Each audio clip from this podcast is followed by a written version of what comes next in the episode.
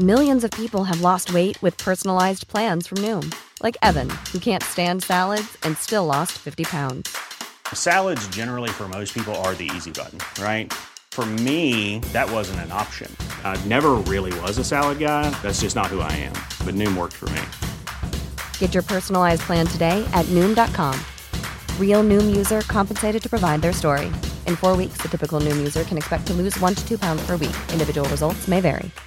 Hey, Dave. Yeah, Randy. Since we founded Bombus, we've always said our socks, underwear, and t shirts are super soft. Any new ideas? Maybe sublimely soft. Or disgustingly cozy? Wait, what? I got it. Bombus. Absurdly comfortable essentials for yourself And for those facing homelessness. because one purchased equals one donated. Wow, did we just write an ad? Yes. Bombas. Big comfort for everyone. Go to bombas.com slash ACAST and use code ACAST for 20% off your first purchase. I'm Sandra, and I'm just the professional your small business was looking for. But you didn't hire me because you didn't use LinkedIn jobs. LinkedIn has professionals you can't find anywhere else, including those who aren't actively looking for a new job but might be open to the perfect role, like me. In a given month, over 70% of LinkedIn users don't visit other leading job sites. So if you're not looking on LinkedIn, you'll miss out on great candidates like Sandra. Start hiring professionals like a professional. Post your free job on linkedin.com/people today. Det här är Paparazzi, en podcast där vi går in på detaljer om kändiskvaller och populärkulturella nyheter. Ja, vi kommer att prata om allt vi vill veta och allt du inte ens visste att du ville veta om kändisar. Jag heter Max. Och jag heter Michelle. Vet du vi gjorde en em, Instagram live i helgen. Vi gjorde absolut en Instagram live i helgen. End of story. Tankar på det? Nej tack, det, det var en upplevelse. Alltså den var ju 100 minuter lång Ja. och var mest, Sigge Eklund kollade på hela och var så här 50% av kommentarsfältet så det var Mm. framförallt bara en dialog mellan oss och Sigge. Det var ju också en upplevelse för alla som tittade. Men jag har fått många som har hört av sig sagt att vi var jättetrevliga. Mm. Underhållande var Men dålig vinkel för oss. Mycket dålig vinkel. Nästa gång, om det blir någon nästa gång. Vi behöver införskaffa en så- ringlight. Ja, och även att det är väldigt mycket ovanifrån. Ja, för att jag kommer aldrig igen gå med på att eh, tro att jag ser ut så, för det gör jag inte. Nej men alltså vi, vi är så mycket snyggare i Tack. den. Jag är betydligt mer en skinny legend än vad det ser ut som i den. Ehm, d- snabba andra saker som har hänt som jag vill Mm. ha din take på. Mhm. Hur känner du inför att The Weeknd ska uppträda på Super Bowl? Just det. Det känns ju jätterimligt. Det känns rimligt men jag, jag såg en take, jag säger inte att det var Wendy Williams men det var absolut Wendy Williams Mm. som sa att det är väldigt intressant att när det är snubbar Mm. så är de själv men när det är kvinnor Alltså såhär J Lo och Shakira, varför Ah. delade de på det? Precis och Madonna Skulle och ta in en massa, MIA Minaj Beyoncés och, USP för att hon fick med Destiny's Child. och vad heter det, Coldplay Ja. och ehm, ehm, vad sjutton heter han? 24 karat? mm, Eh, Bruno Mars. Bruno Mars. Ja, det ja, kanske ja. jag hittar på, jag minns inte något. Den enda som jag kan komma ihåg så på rak arm som var själv är ju Lady Gaga. Hade hon inte någon eh, Nope. guest appearance? Ingen. Kaxigt Mm. och bra. Eh, Wendy Williams, en feministisk analysikon. Hon tyckte också att han inte var topp 50 av intressanta artister. Det var Men- en annan take. Ja, jag håller lite med. han är samma. inte jättestark live, men han visar ju verkligen på att han vill göra storslagna uppträdanden. Det vill han. Vi alla såg hans På VMA. MTV, VMAs, ja precis. När han hade helikopter och, Och fyrverkerier. Och, ja. Ehm, Så jag kan ändå tänka mig att det var en försmak på vad vi får. Det är också intressant för att eh, NBAs har ju varit i blåsväder på grund av eh, rasist, deras inblandningar i eh, rasism. I rasism. Kortfattat eh, av mig. Mm. Eh, och därför hade de ju, vad uppträdde Travis Scott förra året? Han gjorde det och gav en andel av pengarna till någon slags antirasistisk organisation och nu är det ännu en gång en svart artist. Det känns som att de lite behöver Mm. ehm, rentvätta sitt namn. Vänta, Travis Scott var han förra gången? Det var Han väl ändå Shakira och. J Lo? Gud, how can I forget? Men innan det var det Travis Scott. Innan det var Lady Gaga? A few inches later. Ah, han var special guest. Det var Maroon 5 Mhm. som hade 2019. Då är, är det i och för sig manliga artister som behöver dela scenen, för vem vill se Maroon 5? Nej men alltså det hade varit hemskt. Uh, men vi ser fram emot att se Absolut. The Weeknd. Jag hade jättegärna velat se guest appearance av Bella Hadid. De har nog Wow. gjort slut, men Det hade varit hade varit otroligt. väldigt random. Hon bara kör en liten catwalk mitt, allt, mitt alltihopa. Absolut. Kolla, jag är upp med en modell. Eller att hon, eh, de panorerar ut i publiken och där sitter hon och äter en pizza. Det hade jag. Det hade jag uppskattat. Hon hade betalat The Weeknd på förhand för att you guys, can you just film me when I eat junk food? Ja. It's important for my brand Mm. because nobody is supposed to know that I'm anorexic. Oh my god, glöm aldrig att Gigi Hadid hade ett samarbete med McDonalds. Det var så random. Alltså typ två år sedan. De vill verkligen, verkligen, verkligen inte bli associerade med Ätstörningar. ätstörningar. Verkligen inte. Vi har sagt det innan och vi säger det ännu en gång. Margaret Atladotter har samlat en tråd på Twitter på alla gånger Bella Hadid lägger Sedan. upp mat och det, det, det är någonting. Det är Det- mycket pizza Det är någonting som inte står rätt till. som hon inte äter. Precis. Hur känner vi inför Harry Styles omslag på Vogue? Han är ju då enligt Twitter den första mannen Mm. som någonsin varit ensam på omslaget av Precis. Vogue och han är iklädd en klänning och även tar lustgas Mm. vilket jag tycker är kul. Ravekulturen i England tackar honom. Um, nej men jag tyckte det var intressant att vi glömde att RuPaul har varit eh, omslag på Vogue. Uh, Just fotad det. av Annie Leibovitz.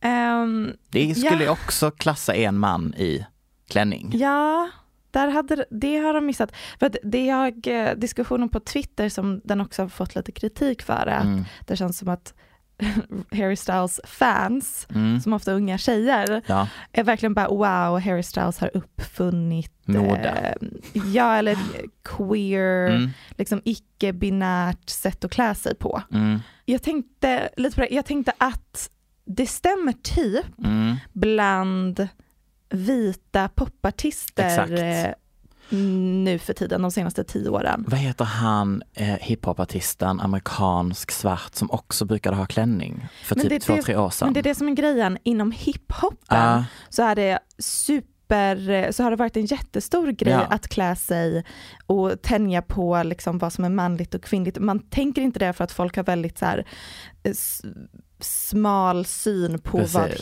hiphop och rappare är, men vi har eh, Young Thug, Jaden. Smith, Mm. Kanye West, ASAP Rocky, Tyler the Creator, Frank Ocean, Pharrell, Lil Nas X och så vidare. Mm, Alltså, ehm, rappare klär sig i klänningar hela tiden. Ja, Och innan på popkillar känns som att de var androgyna på ett helt annat sätt på 90-talet och tidigt 00-tal. mm.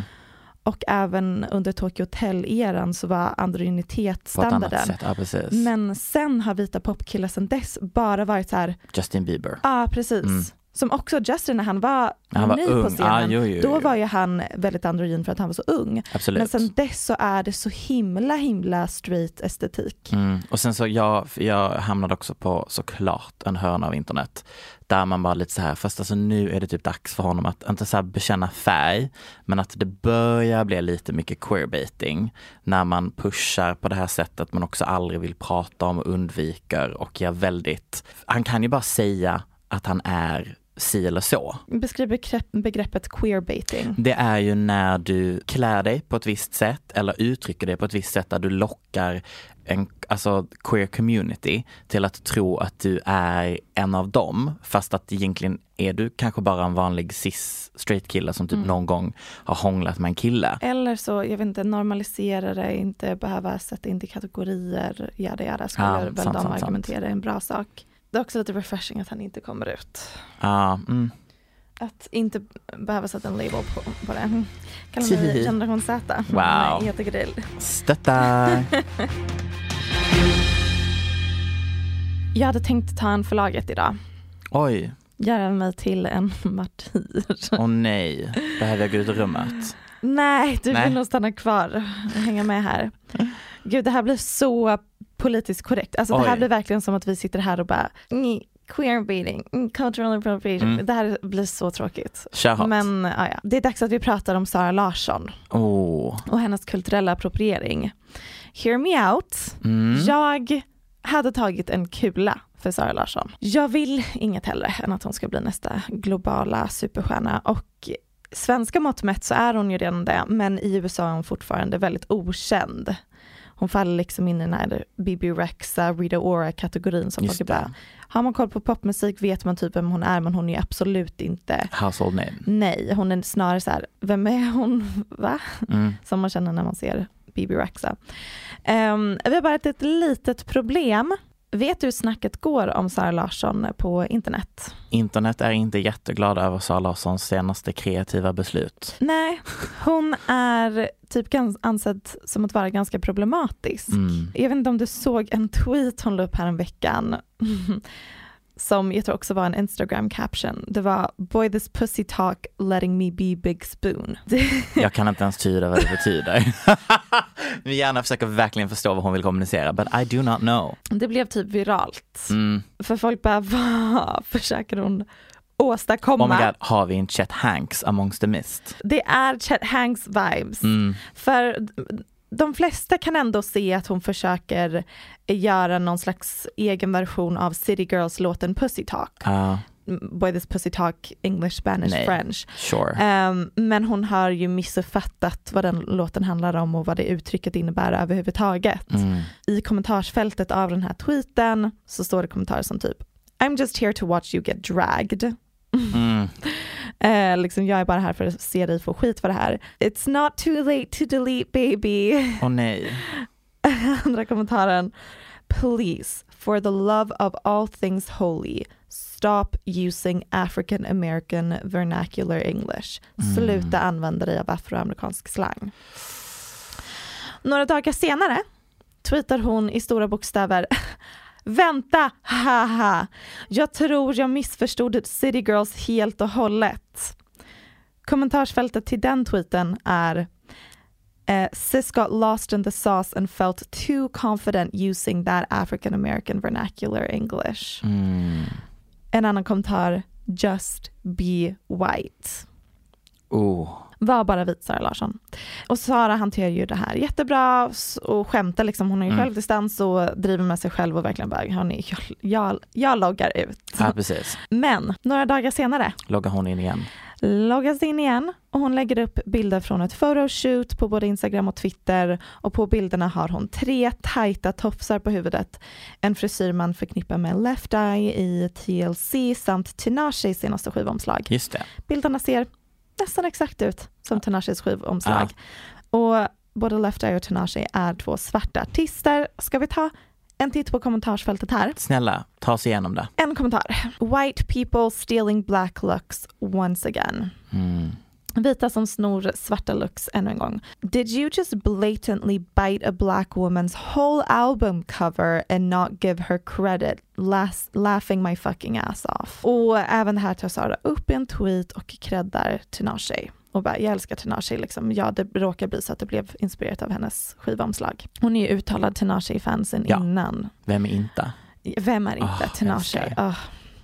Det hade varit en feature jag hade velat ha. Sara Larsson och Tinashe, Mm. verkligen. Fast Tinashe är också lite så, Sant. hon så här bubblat ett tag, slår aldrig riktigt igenom. Man kan vilja ha två favoriter som gör features utan att de blir stora. Det är sant. Det är, oh gud ja. Ehm, nej men det här är bara två exempel då från de Mm. senaste veckorna. Det finns många fler. Ja, Ehm, det räcker med att man går in på valfritt YouTube-klipp från en SAR-intervju och läser kommentarerna där de är mer eller mindre varför prat, försöker hon prata som om hon är en svart kvinna från Houston, Texas. mm. Kan hon chilla med att, att appropriera slang? men är detta för att hon är också en del av generationen som typ har växt upp med typ bara amerikansk reality-tv och typ, alltså den typen av internetslang? Ja, så är det såklart Alltså jag tänker att det är det. Så är det lite. jättemycket Ja. och jag tror att som svensk har man inte, när hon lärde sig engelska så tror jag inte riktigt att hon fattade hur det lät utifrån. Precis. För att hon ville bara passa in, hon har vänner från Houston, Hon Texas. ville och göra en karriär i Amerika. Ja, och för att bli stor i USA måste man vara väldigt amerikaniserad Precis. i sitt språk och sätt att vara och sin humor. Mm. Men jag tycker det är konstigt för att Sara är lite woke. för woke och smart för att inte se det här. Mm. För att inte liksom lite tona ner på det. Ja, clock herself. Exakt. Mm. För att quota lite härligt slang. Just helping a sister out. Exakt. Nej men vi alla approprierar ju dessa Absolut. uttryck men det finns någon måtta får det ändå vara. Och jag är lite rädd för att Sara kommer bli nästa Iggy Azalea. Det där tror inte jag, men jag låter dig ha den åsikten. Varför tror du inte det? Nej, jag, nej, jag vill tro att så illa är det inte. Men Iggy är ju då en vit rappare Ja. som egentligen också är liksom ganska woke och Ja. gjort väldigt bra uttalanden och är medveten om hennes roll som vit rappare i liksom när det är ett svartkulturellt uttryck. Mm, gud ja. Men hon får ju jättemycket skit och de bara sätter ner, du får inte, alltså Mm. hon har blivit väldigt, väldigt hatad. Och då tillkommer ju lagret som vi pratade om innan, att vita män absolut inte möter samma slags hat. Så hela kulturella eh, approprieringsdebatten, Den ensidig. den, liksom. den finns ju till för att minska förtryck för en grupp i samhället, men nu används det nästan som en strategi för att minska spelplanen för kvinnliga artister. Precis. Jag tänker liksom artister som Eminem, Mac Miller, Post Malone, Tekashi 69 och så vidare. De har aldrig mött samma hat som Iggy Azalea och numera Sara Larsson. Nej. Jag undrar Mm. vad sjutton hon eh, håller på med för hon är för smart för det här. Go stream wow. Otro, otroligt. Otroligt. Jag måste tyvärr vara en pessimist Michelle. Det har du väl aldrig varit innan? Nej. Jag tror aldrig att Britney Spears kommer bli fri. Nej, Mm. det är så jobbigt. Det är dags för rörelsen att acceptera defeat, ge upp konspirationsteorierna och gå vidare. Lägg energin på något annat. Jag vet inte om vi behöver ge upp konspirationsteorierna när hon har bekräftat att de stämmer, men kanske inte, ja. Ja, det är dags för en update gällande det viktigaste vi har här i livet, Britney Spears. Med en saftig lön på 130 000 dollar årligen så är det ju ändå förståeligt att Britney Spears pappa Jamie Spears inte direkt säger upp sig med ett leende på läpparna från sitt förmyndarskap av dottern. Förra månaden kunde vi med glädje berätta att eh, Britney fått rätt att själv bestämma över sina advokater. Och det var något som vi typ lite hade missat, att hon inte ens där kunde bestämma själv. Det var liksom Det, hennes pappa det säger så mycket om hur svårt det är för henne att ta sig ur det där. Ja. Hon inte får välja egen advokat. som ska verka för att hon ska få fram sin vilja. Mm. Ja, det är så sjukt. Men eh, nu har vi tyvärr tagit några steg bakåt igen. Det är ju ett försök att åtminstone fördela förmyndarskapet och minska pappans roll som Britney har bett om att eh, han ska ja, men, ha en mindre del i förmyndarskapet helt enkelt. Och nu har en domare avslagit detta förslaget vilket gör att Jamie kommer fortsätta vara ensam förmyndare och eh, juridisk person av Britneys förmyndarskap.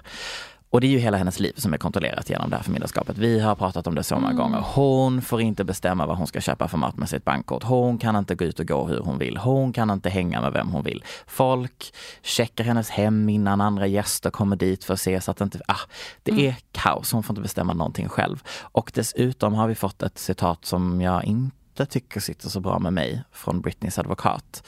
Han ska nämligen ha sagt, min klient har sagt att hon är rädd för sin pappa. Mm. Hon kommer aldrig uppträda igen om hennes pappa styr hennes karriär.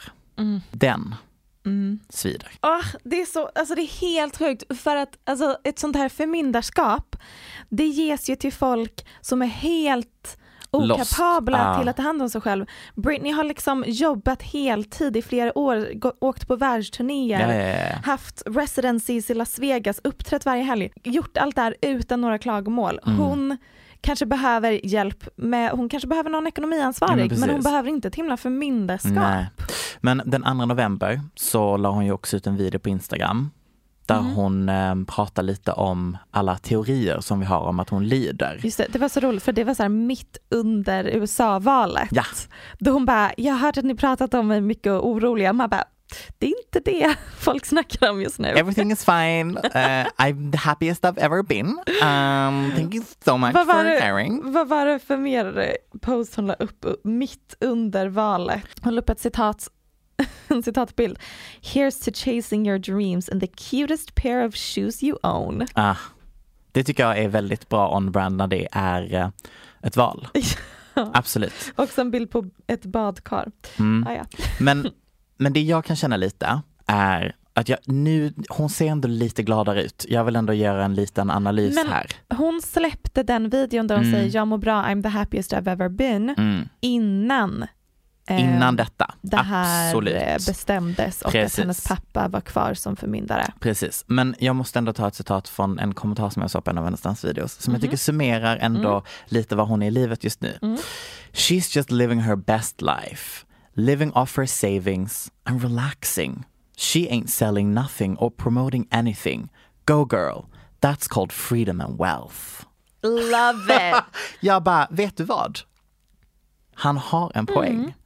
Alltså vi snackar om en tjej som har jobbat sen hon hamnade på Mickey Mouse Club 1992. Mm. Från den dagen så var hon kontrollerad av någon, styrd, jag- som planerade Mm, jo. resor. Men jag skulle ändå tro att hon skulle vilja kunna åka på någon semester utan att få en tummen upp av Men det gör hon pappa. också. Men har du sett så duktig hon är och har ansiktsmask när hon är på semester? Nej. Hon är en av de största som promotar safe travels och användande av mask. Ja, superintressant. Ja! Alla kändisar har masker. Man måste ha mask om man åker flyg. Nej, alltså när hon ligger på stranden själv Mhm. och solar. Mm, ja, men hon kanske tycker det är skönt att folk inte Beautiful. ser henne. Alla kändisar har mask just nu. Beautiful. Ja, jag måste bara säga ett par ord om Cassie Davids bok som kom ut i veckan. Mhm. Cassie är då dotter till Larry David som är skaparen av bland annat Seinfeld och Curb Your Enthusiasm och Cassie är själv skribent och skådis och det var hon som var ihop med Pete Davidson Mm. innan han blev ihop med Ariana Grande. Och för oss, vanliga, dödliga, eh, utomstående personer så fick ju vi följa händelseförloppet mellan Pete och Ariana från typ Arianas perspektiv. För vi visste att hon hade gjort slut med Mac Miller, att hon hade gått igenom terrorattacken på hennes konsert Mm. och från ingenstans blir hon ihop med en S, vad heter det? NFL? Nej, SNL-komikern Pete Davidson och de syns överallt. Mhm. De förlovar sig efter en månad och sitter ihop. Liksom. How did you know Pete was the one for you? I mean, it's just like a feeling, you know? That's so cheesy. Like, people are always like, when you know, you know, and you're like, oh yeah, whatever, okay. Ehm, de skaffar en minigris Mm. ihop, Stöttar. till exempel. Det var väldigt on-brand då. Jag tror det var samtidigt som eh, Miley Cyrus skaffade sin. ah, det var trendigt med minigrisar där ett tag. Mm. Och man, vi, kan, några kanske hade talat om sen innan men de flesta verkligen bara, vart, vart kom han ifrån? Ja. Ehm, och så googlar man lite på honom och man bara, jaha intressant, han var ihop med Larry Davids dotter innan. Och sen gick man vidare med sitt liv. Men nu, Nu har vi fått ett gräv. helt plötsligt, fick vi höra den här historien från Cassies perspektiv. Mm. För hon släppte precis en bok som heter Nobody asked for this, där hon bland annat skriver att hon och Pete, hon förklarar deras förhållande, Mm. hon och Pete var ihop i två och ett halvt år. Ändå ett tag. Ett tag, med tanke på att Ariana och Pete var ihop fem månader. Ah. Hon var ihop med honom i två och ett halvt år. Han tatuerade in hennes namn på bland annat sitt ringfinger. Det var på många sätt ett fint men också ganska destruktivt förhållande för att hon lider av jättemycket ångest och han är bipolär och borderline och deprimerad i perioder som han själv har eh, berättat. Och en dag i alla fall Mm. eh, samlar Cassie mod till sig att göra slut med David. Wow. Det var ett tufft beslut och hon ångrar sig några dagar senare. Ringer David, eller nej, det är så förvirrande. De, hon heter ju David, David i efternamn det, och han han heter- heter Davidson, men han heter Pete. Ja. Hon gör slut med Pete, ångrar sig, ringer honom och vill liksom testa att bli ihop igen. Just det, bara någon dag efter liksom. Exakt, Mm. och då säger han att han är lyckligare än någonsin. Två dagar senare gör de officiellt slut via sms och Cassie får reda på att han har blivit ihop med Ariana motherfucking Grande. that you're too much to handle? I was until I met her. Uh, Do you feel lighter inside?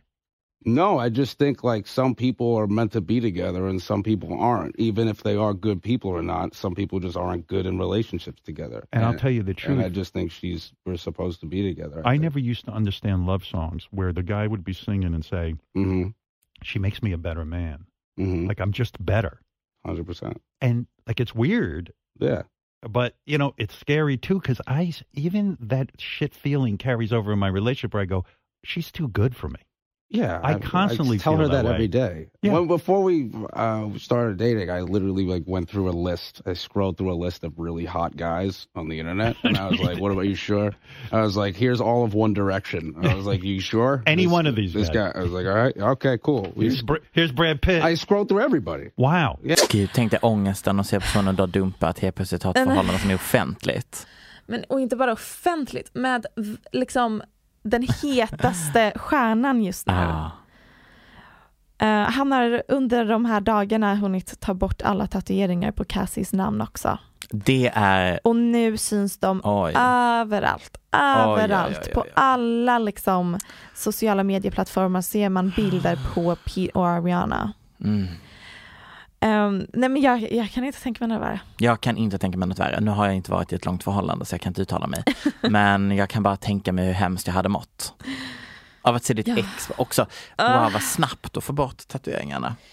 Och jag kan berätta för dig att Cassie mådde inte toppen. Nej, jag kan tänka mig det. Hon beskriver att hon var totalt förkrossad, skrek av ångest, vaknade av att hon skrek i sin sömn, skakade okontrollerat och en dag säger hennes pappa till henne, Cassie, nu är det nog, dina släktingar överlevde förintelsen.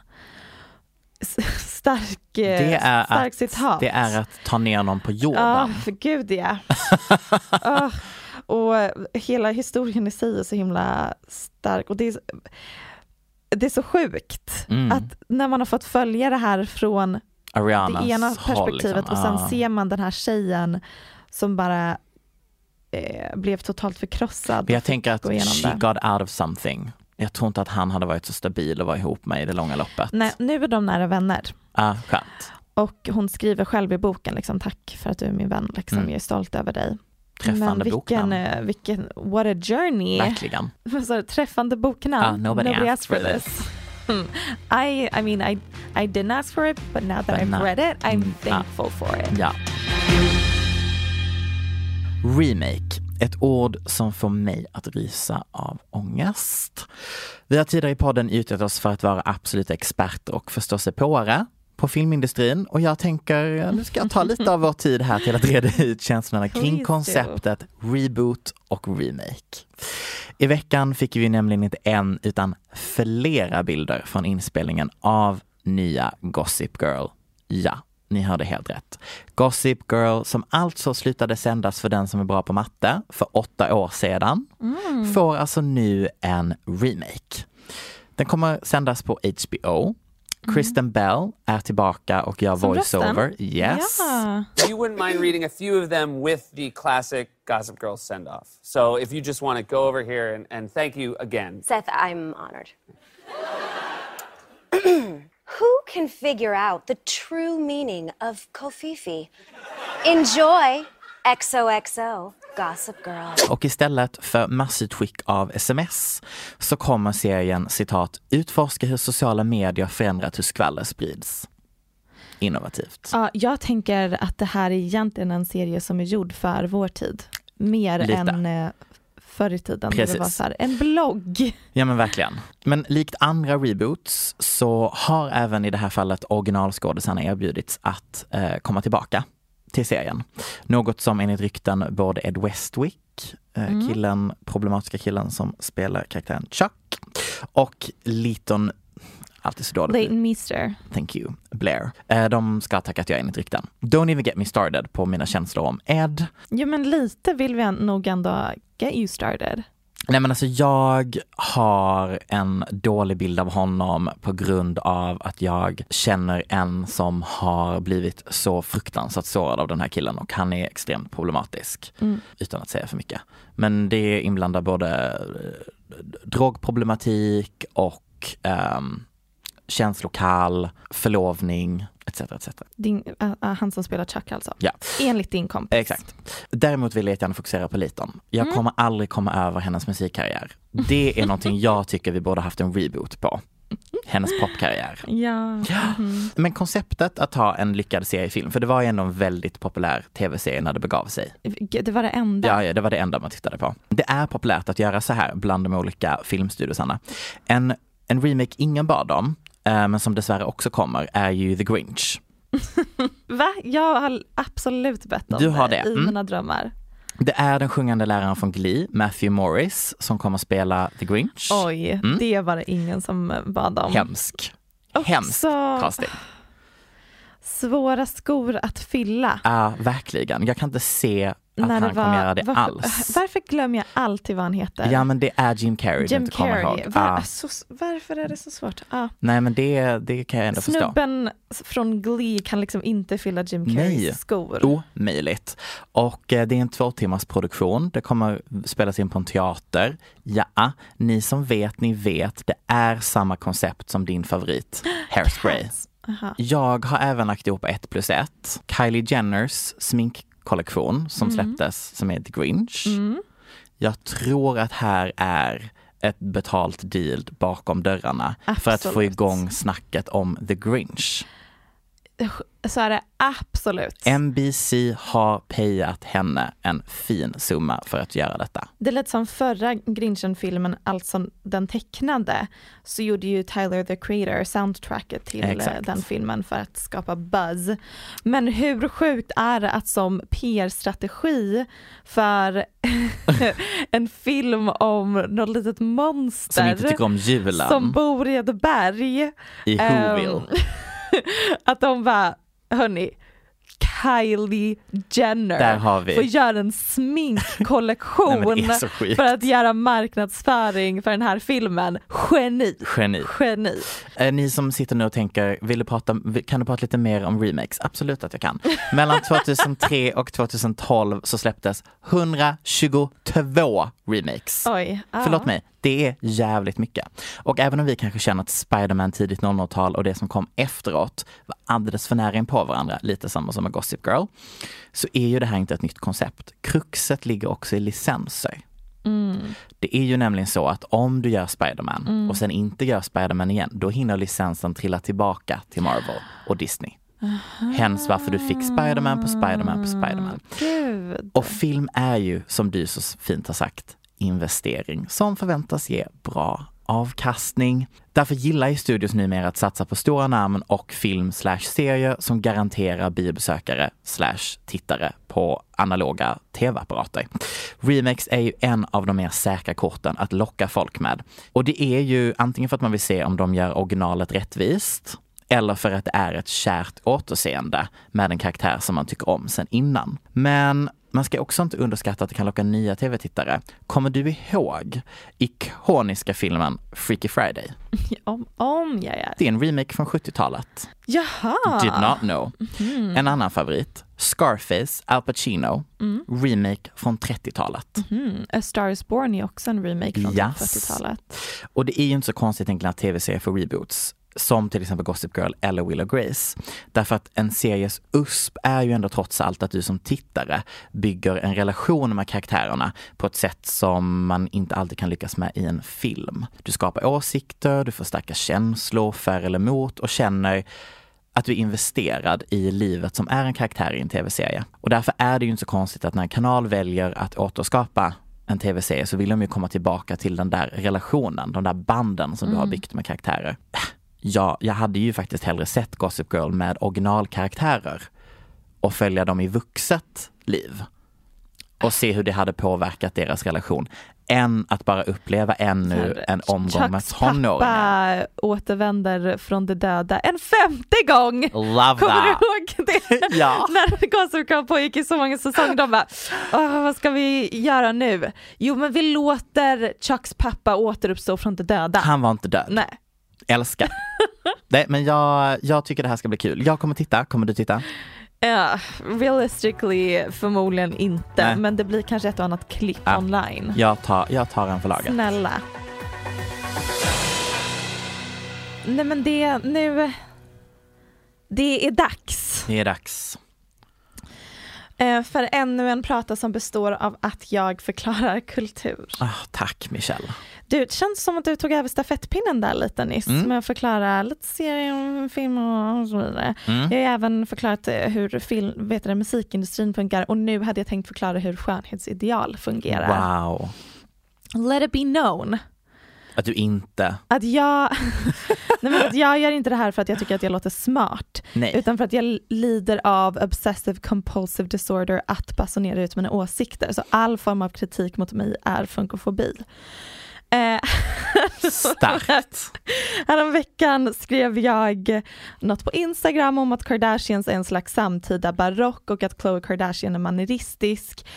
Himla nischat eh, skämt, men jag lovar att det var roligt Ja. och sant. Och som tur är så var det fler som förstod vad jag menar och tyckte att jag skulle utveckla, så det hade jag tänkt göra idag.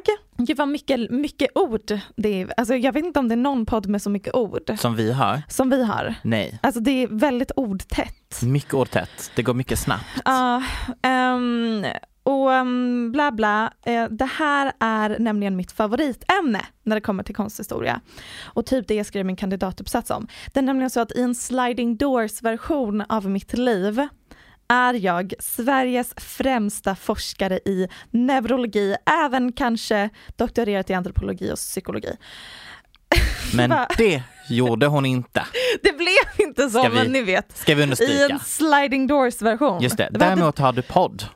Jag har en podd där jag pratar om kändisar. Vad hade du varit i en sliding doors version av ditt liv? Då hade jag varit en väldigt lyckad popartist. Ja. Tack. Så mysigt. Stream Max Live på Spotify. Ehm, faktiskt jag det. Eh, mitt favoritämne Mm. när det kommer till konst är just neurologisk forskning på den visuella hjärnan. Och eh, när jag säger konst nu syftar jag på good old fashioned tavlor och skulpturer. Och när man talar om hjärnan så har man ju olika delar av hjärnan som ägnar sig åt olika saker. Vi har till exempel en hel region som endast ägnar sig åt att läsa av ansikten och ansiktsuttryck. Den är vi bra på. Ja, jo, men det är vi ändå. Och det är ju väldigt viktigt att ha en stor del av hjärnan som ägnar sig åt det här eftersom att lära sig tolka ansikten eh, är viktigt för vår överlevnad. För att läsa om om någon är arg eller eh, ledsen eller, Eller döende. döende eller sjuka. Mm. Precis. Och en av de mest intressanta studierna på den visuella hjärnan är gjord av Ramachandran. Den heter The Peak Shift Principle och då studerade han fiskmåsebebisar. Det, nu kanske ni undrar, Michelle, vart, när, hur kommer du knyta ihop det här med en spaning om Kardashians? De ser Men- lite ut som fiskmåsar emellanåt med sina läppar. But anyways. Ja, jo, Faktiskt, kanske lite. lite. Det finns, finns något där. Det finns något. Nej, men han studerade fiskmåsebebisar, vilket jag tror kallas fågelungar. Mm. Eh, och eh, vuxna fiskmåsemammor, Mm. eh, de har nämligen en röd prick på sin näbb. Just det. Och när hon viftar sin näbb över fågelboet blir ungarna galna för att de vet att nu kommer det mat. För att de får ju mat via mammans näbb. Mm. Och Ramachandran ville se om fågelungarna reagerade likadant av en pinne med en röd prick på. Eller om det var tvunget till att vara liksom deras specifika Mamma. mamma, Mm. med näbb och allt. Eh, men eh, nej, det, de reagerade precis lika starkt på bara en pinne med röd prick, vilket måste innebära att det ligger i deras primära hårdkoppling av hjärn, hjärnsynapser, att en röd prick på ljus bakgrund är lika med mat. Wow. Och forskarna gick vidare och testade även om eh, att vifta en vit pinne med tre röda streck över fågelungarna, om de fick samma reaktion av det. Och sjukt nog så blev fågelungarna liksom helt till sig. Mm. Det blev en total överstimulans av något de redan är programmerade till att re- reagera starkt, Mm, mm. på, if that makes sense. Så det ligger liksom i deras biologi att reagera starkt på en prick mot ljus bakgrund, men när den pricken överdrevs och abstraherades till tre röda streck så blev de visuella neuronerna superstimulerade, så fågelungarna tappade totalt. Wow, ni förstår var den här praten är på väg. Gör man det? Gud It's, it's big brain energy. Men kör vidare. Tack. Och det här är då bara en av många studier på Ja. vad som händer när former abstraheras och överdrivs. Allt det här går att applicera på konst och var- Mm. varför vissa tavlor tilltalar oss mer än andra. När Picasso tar ett människoansikte och abstraherar det till något helt absurt med liksom ett öga där och man bara, är det här från sidan eller framifrån, vad är det som händer? Då stimulerar det den stora regionen i vår hjärna som är dedikerad till att tolka ansikten. Vår hjärna ser ett ansikte, men det är så överdrivet och abstraherat att det blir liksom kaos för hjärnan Mm. och då liksom triggas våra neuroner. Om man tänker att Picasso istället hade abstraherat en sten så hade den tavlan förmodligen inte blivit lika tilltalande för vi Mm. har inte en hel region som är dedikerad till att tolka olika Stenar. stenar. Säg det Ehm. till den läskiga killen som var fem år gammal på skolgården som alla hade som var besatt av stenar och myror. Men det i och för sig också finns något evolutionärt försvarbart med det. Mm. Nu kommer min tes om Kardashians in. Ja. Eh, jag vill bara först klargöra vad ordet abstrakt eller abstrahera innebär, för man kanske tänker att jag syftar på typ Jackson Pollock, men det är om det inte finns något subjekt så är det abstrakt expressionism. Eh, någonting som är abstraherat är liksom ett subjekt som är överdrivet eller för, förvrängt. Man ser Mm. fortfarande vad det är för något. Dess motsats är naturalism, alltså konst som är så verklighetstroget som, som möjligt. Min favorit. Ah, det, det är underbart. Eh, och om man har allt det här in the back of your mind och tittar Mhm. på våra visuella och estetiska uttryck genom historien så ser man att ett återkommande mönster eh, finns av abstrahering. Att vi liksom alltid dras till att överdriva och abstrahera våra subjekt. Sen har vi en epok av naturalism för att sen dras mot att abstrahera och överdriva igen. Eh, från liksom Polykleitos under antiken som överdrev anatomin av den manliga kroppsformen när han gjorde sina statyer för att skapa mer harmoniska proportioner till all gotisk konst under medeltiden som var överdrivna figurer snarare än naturalistiska skildringar och så vidare. Manierismen som tog renässansens matematiska uträknade ideal och förvrängde subjekten för att de skulle vara mer tilltalande och så vidare, och så vidare till impressionisterna. Och jag menar att Kardashians förvrängda utseende är liksom bara som en människoversion av fågelungarnas peak shift principle. Kim Kardashian är vår röda prick som har opererat om sig till tre röda streck. Ah. Hon har tagit former och ett visst utseende som vår hjärna reagerar starkt på och liksom typiska kvinnoformer och bara boom, Mm. superöverdrivet. Och jag tänker typ om man kollar på de mest följda personerna på Instagram, förutom fotbollsspelare snark, så är det till exempel Dwayne The Rock Johnson, Överdriven. som också är tre röda streck. Ah. Han har tagit mansformen och bara på, vad heter det, steroider, heter Ah. det Ja, anabola steroider. Anabola steroider, kanske quite literally, Ah. men också liksom bara som en liknelse, det male figure on crack. Mm. Och då är liksom frågan, tycker vi ens att det här är snyggt? Vill man liksom ligga med Dwayne The Rock Johnson? Fråga inte mig det. Du hade det. Ja, jag hade ju det. Men- Men, ja. Men det är inte för att man bara, mm, ja, drömmannen, Nej, utan det är snarare så här, kul, klart jag ligger med Dwayne The Rock Johnson. Men för, fråga. Mm. För den här teorin om att man går från naturalism och sen till Mm. Mm. abstrakta. Överdrivna, abstrakta. Överdrivna. Mm. Ja. Det brukade ju för, jag är också, jag har läst lite kultur och historia. Det brukade ofta hända med ett större tidsspann. Mm. Går vi snabbare emellan det nu?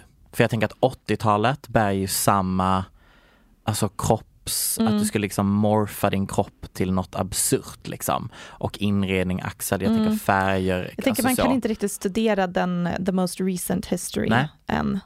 Det var inte det Eh, du gör nu då? Nej, alltså nu är det snarare så här bara samtiden. Alltså, Okej, mm. Jag tror att om 500 år kommer vi se tillbaka på n- 1900-talet och Mm. sätta in allt i samma kategori mer Okej. eller mindre. Det man, om, under 1600-talet hade man levt då så hade man ju säkert sett Olika. olika Ja. var och vartannat år Mm. medan nu sammanfattar vi det. Liksom. Och jag tänker typ att det här är egentligen ett, ett ganska sunt, en ganska sund syn på skönhetsideal.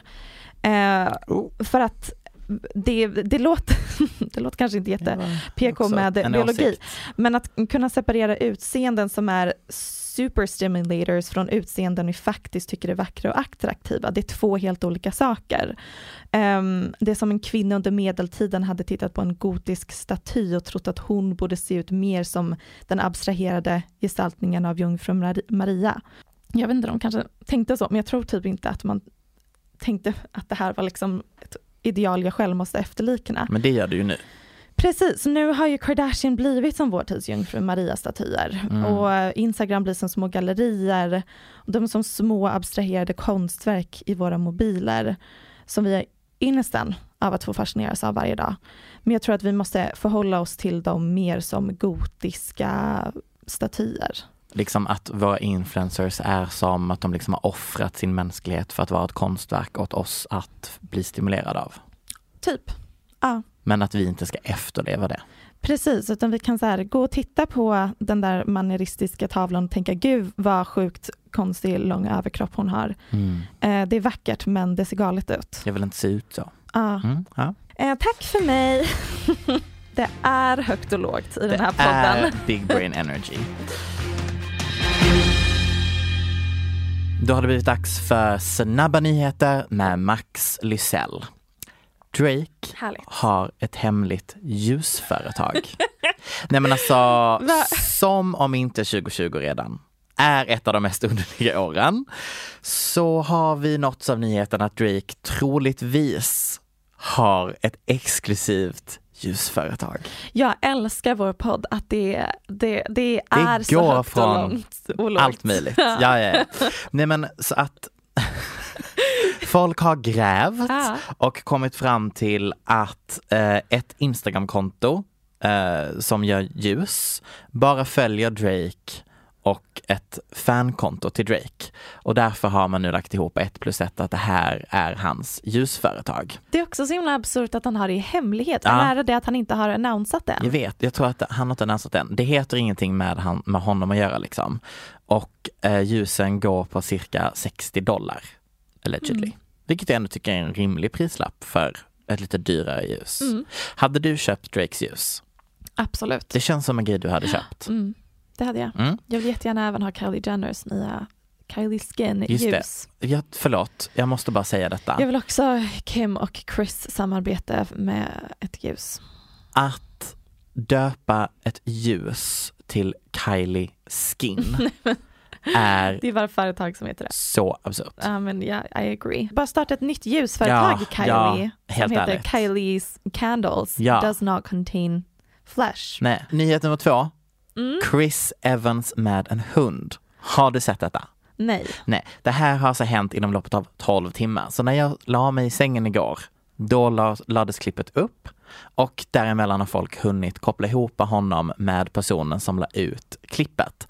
Låt mig förklara detta kort för dig. Chris Evans hänger hemma hos en gymnast Mm. som heter Ali Raceman. Mhm. Och för de som är besatt av Bachelor så är Ali Raceman ex till Colton Underwood som var Bachelor 2018, 19, Kanske. Mm. någon av de två. Hon är känd för att ha gjort slut med honom över Facetime, Mhm. starkt. Och han är känd för att han har nu besöksförbud från tjejen han blev ihop med via Bachelor. Shady hörna av kändislivet. Mhm. Hon älskar Rescue Dogs Mm. och det gör även Chris Evans. Så igår hängde de där deras hundar fick leka med varandra. Och internet trodde att det betydde att de nu dejtar. Mhm. Jag tror inte att Chris Evans dejtar Ally bara för att deras hundar hänger. Jag tänker att det är karantäntid. Man kan inte välja på så många. Det Bor finns väl lite samma- olika hundparker som man hänger på eller? Ja, nu hängde de visserligen hemma. Mhm. Eh, så Mm, det de var kanske ju... bor i samma område. Ja, jag tänker också att de gör det. Eh, jag tycker Eller så ligger de. Sant. Jag skulle säga att de ligger. Du tror det? Ja. Jag tycker det är intressant att vi alltid tänker att så fort en kändis hänger med motsatta könet så måste Mm. de antingen ligga eller vara ihop. ja. Kanske var henne han skickade sin dickpic till. Oh my god, tänk så var det det. Eller hans meme. Guard that pussy. Guard that pussy. Alltså den, det är för mig det är fortfarande något av det sjukaste som hände 2020 faktiskt. Inte dickpicken utan att han hade en min på sig själv. Sparad i sin kamerarulle. Guard that pussy. Det var ett tag sedan nu. Som vi pratade om någonting som hade med Kardashian att göra. Nej, inte Kardashians utan som vi pratade om third trimester Thompson. Sure. A.k.a. Khloe Kardashians baby dad. Känd för att lämna sina fruar när de är i tredje trimestern med deras bebis. Ändå starkt rykte att ha. Förlåt men det är ikoniskt. Verkligen. vi slutade att prata om dem för att vara liksom tråkigt var och varannan var det någon rubrik om att de var ihop och sen, bara, jaha, nej nu är de slut. Mm. Och vad, vad ska hon liksom göra? Ja, han var gravid mot Mm. henne när hon var höggravid och sen Var han gravid mot henne när hon var gravid? Han, han, han var otrogen mot henne när hon var höggravid och sen var han otrogen igen med Ja. hennes systers bästa kompis men liksom there's a global, global pandemic. Ja. Vad ska hon göra? De har barn ihop, Ja. de bor typ ihop. Men nu äntligen har Mm. det hänt något nytt. Mm. Larsa Pippen, Just det, enter. känd från att vara en av Kardashians absolut bästa vänner i Mm. massa år. Eh, hon var gift med någon basketspelare. Kan vi, kan vi bara prata om vilket sjukt namn Larsa Pippen, Pippen. är? Ja. Larsa Pippen. Mm. Let that sink in. Hon ska vara glad att hon inte bor i Skandinavien. Ja, verkligen. True fans har märkt att alla Kardashians slutade följa Larsa på Instagram tidigare i år och att hon, avföljt, eh, hon har avföljt dem också. Mm.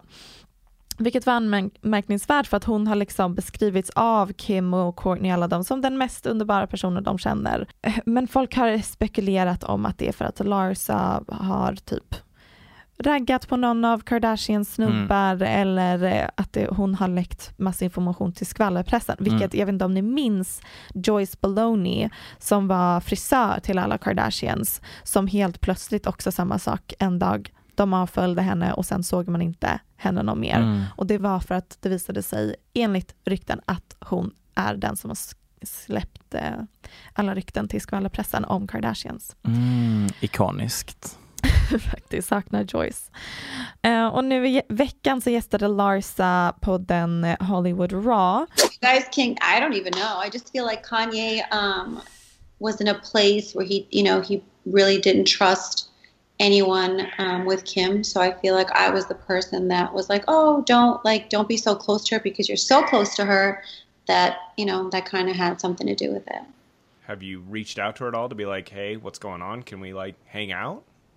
Um, a little bit, but I also feel like I like I'm my personality is the kind of person like I want you to be great. You know what I mean? I'm not I don't want to be the trouble in your relationship. If you if your husband feels like threatened by my relationship with you, then I don't want to be that person. Like I, I've got my own shit. I don't want to be like that person. Let him feel really comfortable, really secure if I'm not in the picture and just see what happens. Like Kanye höll på att ringa henne hela tiden.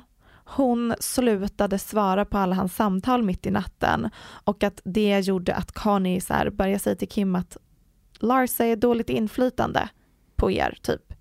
Jag vet inte, jag, jag tänker, jag, jag tror att Kanye ringde henne mitt i natten flera gånger Mm. och att hon ja- ibland inte pallar svara. Men jag tror inte riktigt att det är därför alla i Kardashian-familjen valde att bryta kontakten. Ehm, Gud vad jobbigt att ha människor som ringer en na- mitt i Ja, natten. hela verkligen. Eh, men mest intressant eh, som hon sa var att Larsa tydligen träffade Tristan Mm. innan han blev ihop med Chloe. Ja. Tack vare Larsa som han träffade Chloe. Mm. Hon bjöd med honom till en fest där Kardashians också var och efter den kvällen så började han dejta Chloe istället. Hatar när det händer. Ja. That fucking sucks. Ja. Måste vara också så svårt att vara kompis med en Kardashian för man bara, Det är klart att de alltid kommer överlämna dig från Kardashian. precis. Eh, framförallt om du heter Larsa Pippen. Absolut. Och eh, jag har bara så många frågor Mm. om det här. För så vitt jag vet så var ju Tristan enligt rykten fortfarande ihop med hans höggravida baby mom när han blev ihop med Chloe. Det, så någonstans Mm. i det här var han otrogen mot sin gravida tjej med Larsa Pippen och sen otrogen mot Larsa Pippen med Chloe. Alltså wow, min hjärna zonade ut helt. Den här människan Max. Det, nej men alltså, på ett sätt så tycker jag typ det är synd att fy fan vad de alltid bara ska hålla på med rövhål till män. Ja, Och att de inte jo. bara kan typ ta ett fucking stance mot toxic masculinity culture som är att snubbar kommer undan med det här sättet att leva på. Ja, det här är en ny nivå. Tristan, that's one for the history books. Alltså verkligen, kasta ut skitstöveln. Ehm, Och sen den här intervjun kom ut med Larsa så har även det senaste avsnittet av Keeping Up kommit ut Mm. som ju spelades in i våras. Och då säger Chloe att hon typ ligger med Tristan igen. Mm. De karantänar ihop, vad ska man göra? Och, det var ehm, konstigt att de två uttalandena kom samtidigt. Avsnittet och intervjun. Mm, ja, gud, undrar om det var... Mm, jag tror typ inte att det... Ja, jag vet inte. Men i alla fall. Sen dess så har Chloe avföljt Tristan på Just det. Instagram. Mm. Dum, dum, dum. Ja. Jag har en fråga. Mm. Hur är tittarsiffrorna den här säsongen för Kardashians? Det är ingenting jag kan svara på. Nej. Tittar du själv? Nej. Nej, för det är inte jag heller. Nej. Det, är någonting. Det, men det är att de filmar de senaste, de sista avsnitten med deras mobil Ja. PGA-karantän. Ja. Man bara, jag följer dem på Instagram, jag behöver inte se deras liv genom deras mobil. Nej, det gör vi ändå.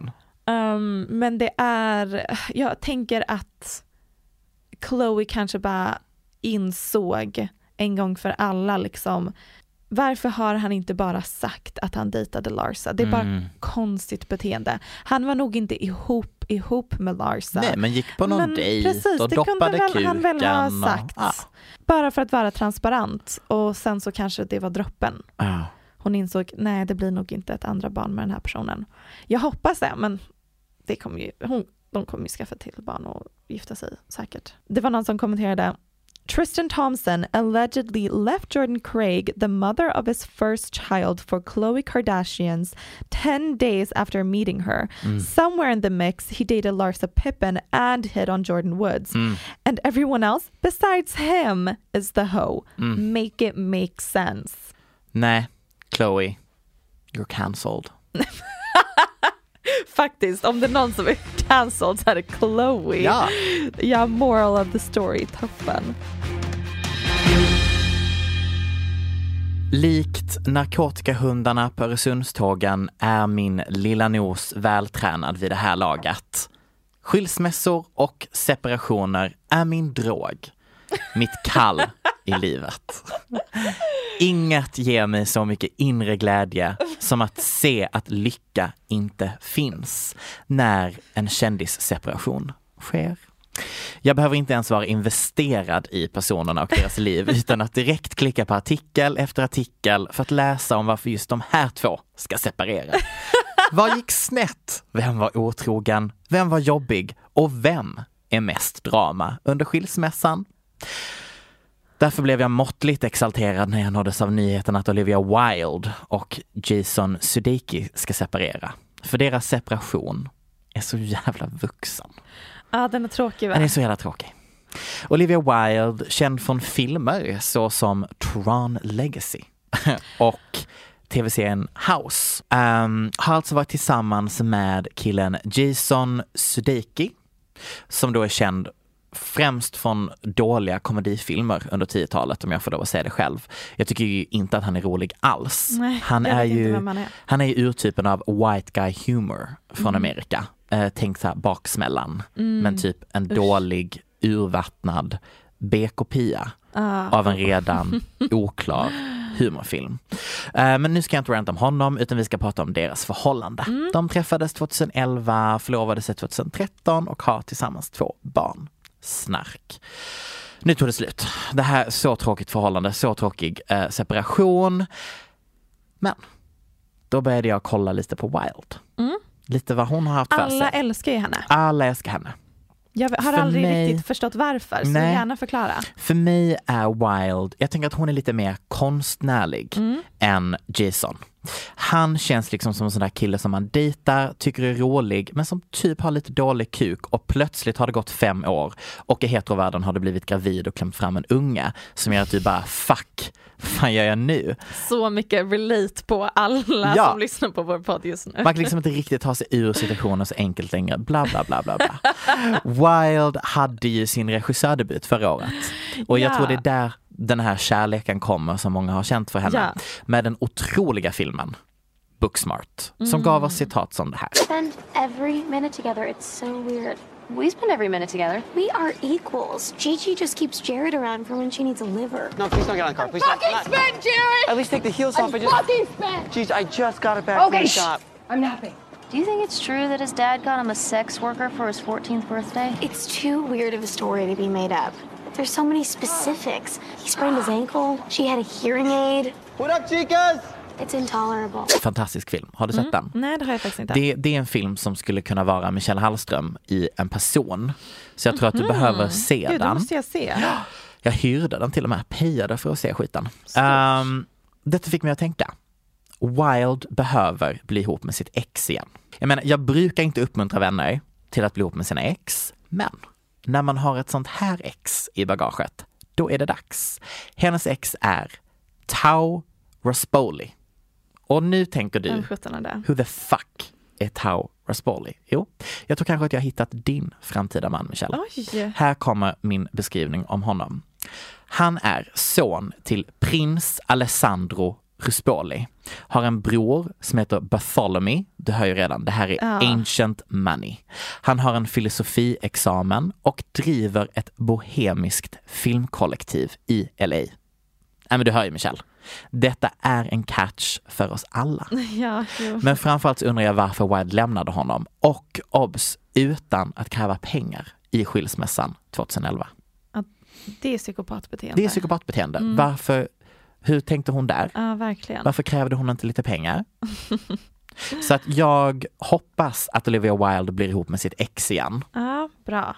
Och om hon inte blir ihop med sitt ex så tycker jag att du ska söka upp Tao.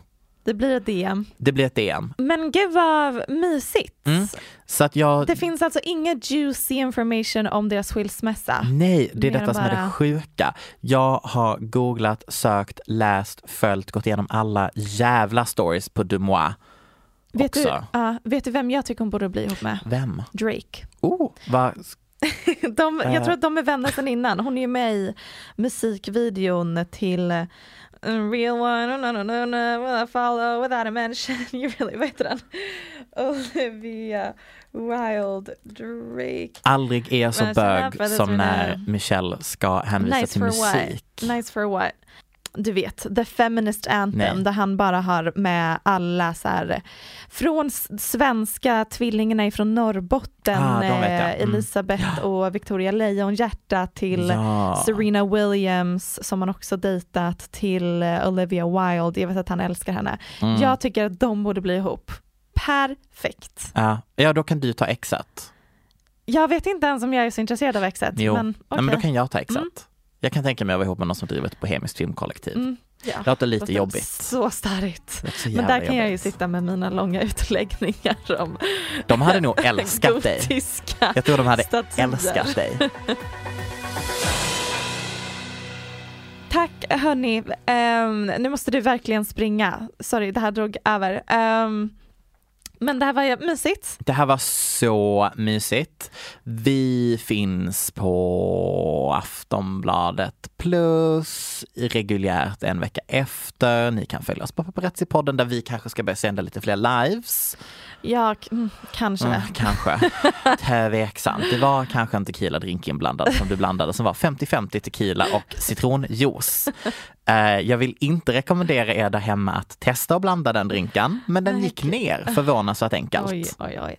Ehm, det var väl det. Ja, gud vad mysigt. Tack för att ni lyssnar ännu en vecka. Love you guys. Verkligen. Love you.